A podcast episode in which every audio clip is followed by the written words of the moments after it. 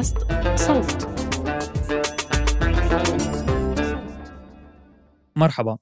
أنا محمود الخواجة من فريق صوت. عم نجهز لحلقات جديدة من المستجد. بس هذا الأسبوع حابين نسمعكم إحدى مقالات صفحات صوت من إعداد وديعة فريزلي لموقع الجمهورية. بتناقش وديعة فيها نظرتنا للجسد اللي تغيرت عبر السنين. من نظرة بتعطي الأولوية للوظيفة على الشكل يعني إني أكون بجسد متين وصحي وبإمكاني أمارس حياتي بشكل طبيعي أهم من منظري. لنظرة مستجدة انقلبت فيها الآية. إنه مش كثير مهم كيف بتوصل للجسم المثالي بين قوسين. عمليات تجميلية، فوتوشوب، ممارسة الرياضة بهوس غير صحي.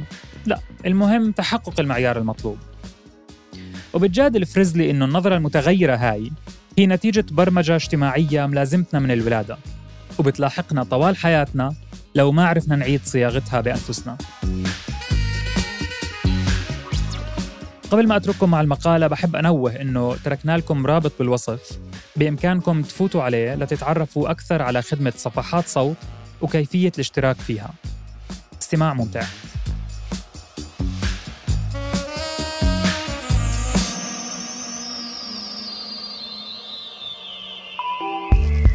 صفحات صوت تقدم الخصر أقل من الأوراق بعشرة إنشات الناشر موقع الجمهورية. لوديعة فرزلي.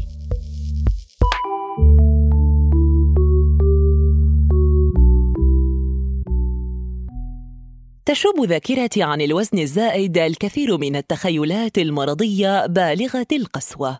مثلاً رأسي معلقاً على جسد أخريات من الصف أو أن أصاب بحالات قصوى من المرض تؤدي إلى انخفاض سريع في وزني.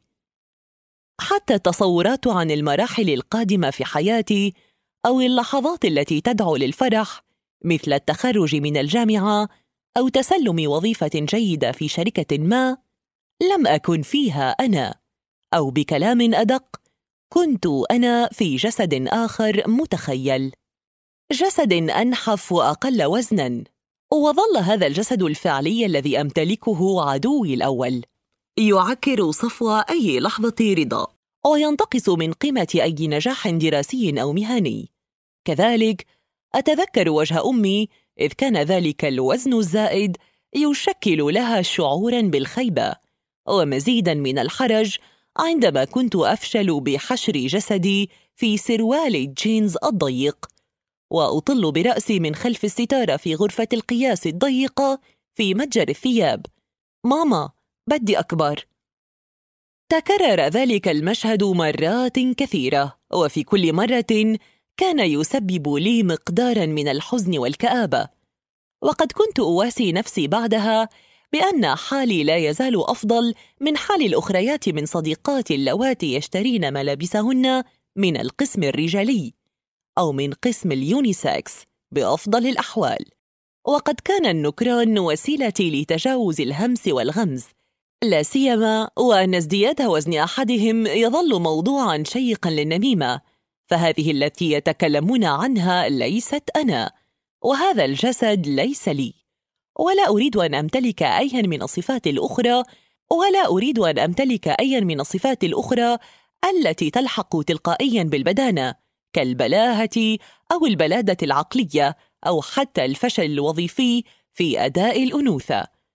هذه لمحات سريعة من ذاكرتي عن شبح الوزن الزائد الذي لا يزال حاضرا مع كل سروال أو فستان جديد.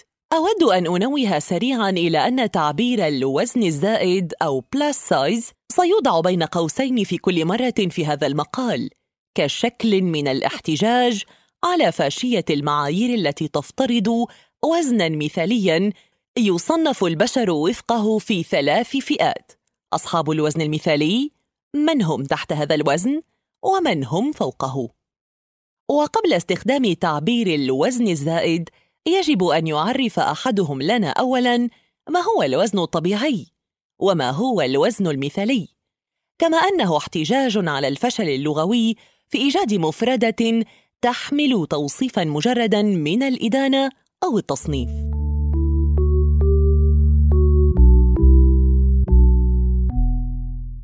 على أي حال الأمر تغير الآن. أصبحنا نرى بكثرة صورا لنساء من أصحاب الوزن الزائد في عروض الأزياء والإعلانات التجارية. كما أن بعض ماركات الملابس صارت تخصص أقساما لهن في المتاجر. وعالميا اشتهرت الموديل أشلي جراهام كعارضة أزياء لثياب السباحة واللانجري وحسابها على تطبيق إنستغرام هو رحلة غير منتهية في خطوط السلوليت وطبقات البطن المتجعدة ومع ذلك تقف بالبكيني أمام عدسة الكاميرا متباهية بالكتلة الدهنية دون أدنى إحساس بالحرج. أما عربياً اشتهرت في الآونة الأخيرة عارضة الأزياء أو الفاشينيستا الكويتية روان بن الحسين والتي تجاوز عدد متابعيها الثلاثة مليون متابع. هذا الترحاب العالمي بذوات الوزن الزائد وبالجسد الممتلئ موضوعا للرغبة والإغراء على صفحات تطبيقات التواصل الاجتماعي وفي الإعلانات. ليس إلا تصويرا زائفا عن تحول البدانة إلى أمر مقبول اجتماعيا وأن الجسد السمين لم يعد ينظر إليه بوصفه نفورا عن النموذج العام لأنه قلما يحدث ذلك في الحياة الواقعية. أعرف العديد من النساء وعددا أقل من الرجال ممن هم في صراع يومي مع أوزانهم.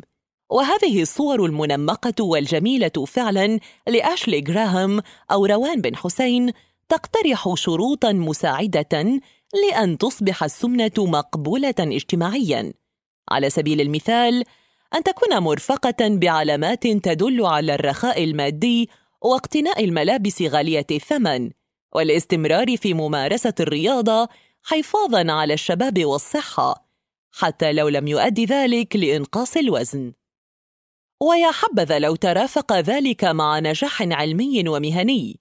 أما عن الدعوات المستمرة لأن تحب الواحدة منا نفسها كما هي أو عبارة أنت جميلة كما أنت فهي شعارات كاذبة ومستفزة خاصة عندما تقولها وجوه إعلانية نعرف جميعا أنها خضعت لعمليات تجميل تصنيع خلقت منها الشكل الحالي. إذا حتى البدانة تلك الرغبة بالخروج من الحدود المرسومة عالميا للجسد الجميل التي يعبر عنها الجسد بيولوجيا وفيزيائيا قد تمت قولبتها. لا يمكن لأي تكن من صاحبات الوزن الزائد مثلا أن تصبح موديلا بل إن هناك مقاييس معينة وأطوالا تتناسب مع الأوزان. فمثلا يجب أن يكون محيط الخصر أقل بعشر إنشات من محيط الأوراق. الأمر أعقد مما نتخيل وليس أي شكل من أشكال السمنة يعد مقبولا. بل يجب أن يكون توزع الدهون في الجسد متناسقا وفي أماكن محددة منه حتى يدخل ضمن التصنيف. ويخطئ من يعتقد أن الانتشار الجديد لصور العارضات ذوات الوزن الزائد هو تحول ثوري في معايير الجمال أو الموضة. لأن الأسواق والماركات ذاتها التي صنعت ال Barbie style تصنع الآن نموذجاً آخر. يضم تحت رأيته فئة كبيرة من المستهلكين النساء المرهقين ماديا ومعنويا من المحاولات الفاشلة للانضمام لفئة الوزن المثالي. والرسالة الاستهلاكية المبطنة أنت جميلة كما أنت تعني أننا قادمون لنجدتك وأننا نصنع لأجلك ثيابا داخلية وفساتين وسراويل تلائم حاجاتك ريثما يتغير وزنك أو حجمك الحالي.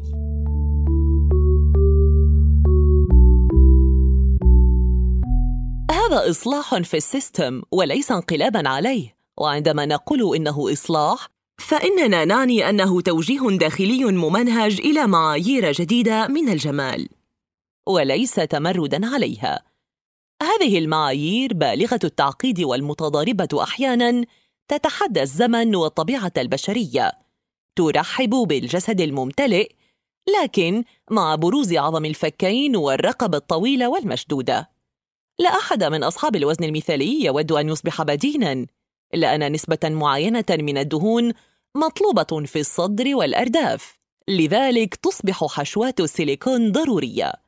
منذ عقود طويلة تغلب شكل الجسد على وظيفته وخضع لعمليات من القولبة والتصنيع صارت واقعا مكرسا حتى الطريقة التي ننظر بها إلى جسدنا تمت برمجتها. إذ أصبحنا نعاتب أنفسنا ونعاقبها عند زيادة بضعة كيلوغرامات. ونتحجج بذريعة الصحة والأمراض التي تسببها السمنة. لكنها في الحقيقة مخاوفنا من الخروج من الحيز المقبول اجتماعياً. صار النظر إلى الجسد ككتلة طبيعية ووظيفية تتبدل وتتغير عبر الزمن ينطوي على أبعاد سياسية واجتماعية لأنه بمثابة تحد لنظام راسخ ومنظومة من معايير جمالية فاشية تلفظ خارجها أجسادا مرهقة ومتعبة. أجساد الأمهات اللواتي أنجبن خمس أطفال مثلاً. وأجساد النساء اللواتي لا يجدن الوقت الكافي أو القدرة المادية للعناية بمظهرهن. أجساد المصابين بالاكتئاب والكثير الكثير من الأجساد البائسة بسبب شكلها ومقاسها.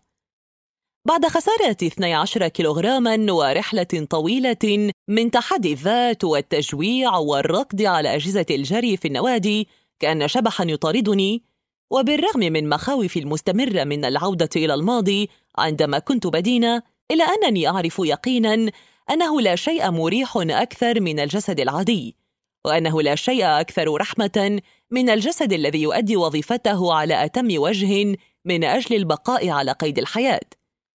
غير أن هذا اليقين يبقى هشا وضعيفا ليس لأنه فاقد للصحة بل لأنه أضعف من محاربة منظومة المعايير القائمة. كنا معكم من التقديم ندى منصور ومن فريق التحرير باسنت سمهوت ومحمود الخواجة ومن المونتاج راشد البابلي. هذا العمل من إنتاج صوت.